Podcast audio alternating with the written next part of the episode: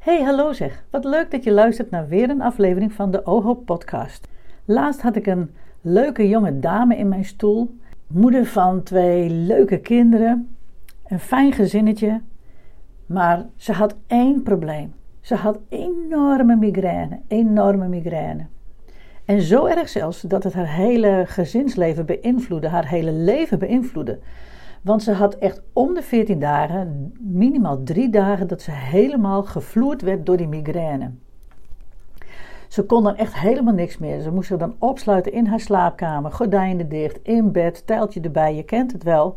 En ja, dat hele gezin was natuurlijk daardoor ontwricht. Want wat ze dan deed, was van tevoren alles klaarzetten. Dus ze ging als een malle naar de winkel, eten halen, eten klaarmaken. Als ze voelde dat het opkwam, en dat kon ze voelen, dan ging ze alles voorbereiden, zodat haar gezin er niet onder zou lijden. Dus ze regelde oppas voor de kinderen, die de kinderen naar school brachten en weer ophaalden.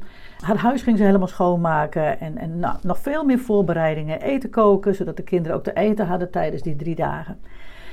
En dan, ja, dan kon die aanval plaatsvinden en dan was ze zo drie dagen van de kaart. Nou, deze dame heeft echt alles al geprobeerd. Alles. Het reguliere circuit en het niet-reguliere circuit. Van, van, nou ja, van spiriwiri tot het meest aardse wat er maar bestaat. En niemand kan die vrouw helpen. En zo belandde ze dus bij mij in de stoel. Eigenlijk met een beetje de overtuiging van, nou ja, dit gaat mij ook niet helpen. Maar ja, ik heb alles al geprobeerd en ik grijp alles aan. Dus als het maar uh, helpt, alles wat helpt is mooi meegenomen. En weet je wat het mooie is? Met hypnose kun je dus echt heel veel doen.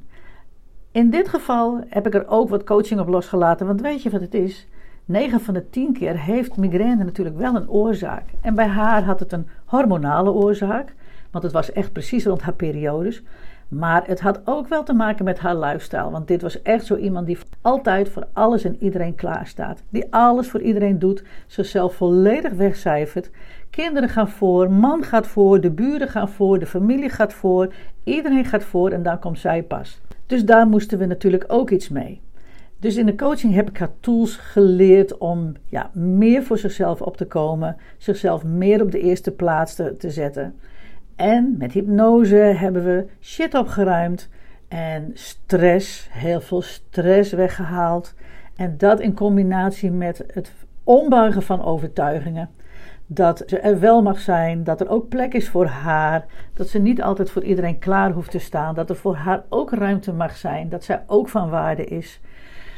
En natuurlijk echt de pijn weghalen, haar tools geleerd hoe ze zelf de pijn weg kan halen op ieder moment.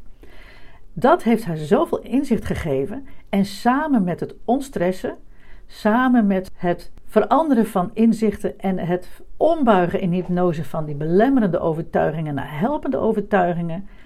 En de tools die ze binnen de hypnose aangereikt heeft gekregen, zodat ze het zelf kan verhelpen. Net als een thermostaat die als het ware naar beneden zet qua temperatuur. Zo kan zij in hypnose zelf haar gradatie van migraine aanpakken. En dat werkte fantastisch. Dus het resultaat was drie sessies. Echt, ik lieg het niet. Drie sessies. Waarbij ze vertelde dat ze nog maar één keer in de, nou ja, afgelopen periode, en daar zaten dus uh, iets van tien weken tussen, alleen een beetje vage hoofdpijn heeft gehad rond haar periode. Maar echt een beetje vage hoofdpijn zoals we dat allemaal wel eens hebben. En die hele migraine was weg, verdwenen. Nou, hoe fantastisch is dat? Ik moet zeggen, daar word ik zelf zo gelukkig van. In dit geval was het dus belangrijk om naar de hele levensstijl te kijken. Migraine stond in dit geval niet op zichzelf. Dus dat is misschien een les die je zelf ook kunt meenemen. Misschien heb je zelf hoofdpijn of misschien heb je zelf wel eens migraine. Of ken je iemand die dat heeft in jouw naaste omgeving. Kijk dan niet alleen naar de pijn. Pijn heeft soms een signaalfunctie. En dat was in dit geval dus ook zo. Hier moest drastisch iets veranderen.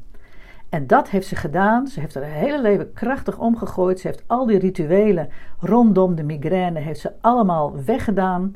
Gestopt met het huis schoonmaken, gestopt met eten klaarmaken, gestopt met iets regelen voor de kinderen, gestopt met alles in gereedheid brengen voor die migraine, waarbij je als het ware het universum uitnodigt van kom maar.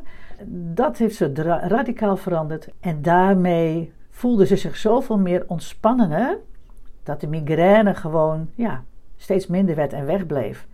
Zo kan het gaan.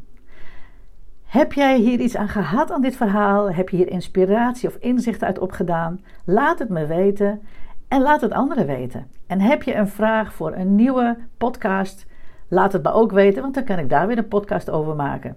Heel erg bedankt voor het luisteren naar deze aflevering van de OHO Podcast. Vond je deze aflevering interessant en waardevol? Maak van deze podcast dan geen goed bewaard geheim. Deel het met anderen. Bijvoorbeeld door een screenshot te delen via social media of stories en mij daarin te taggen, of door een review achter te laten. Daardoor wordt de OHO podcast nog beter gevonden en kan ik zoveel mogelijk mensen bereiken en inspireren. Dank je wel alvast en heel graag tot de volgende keer.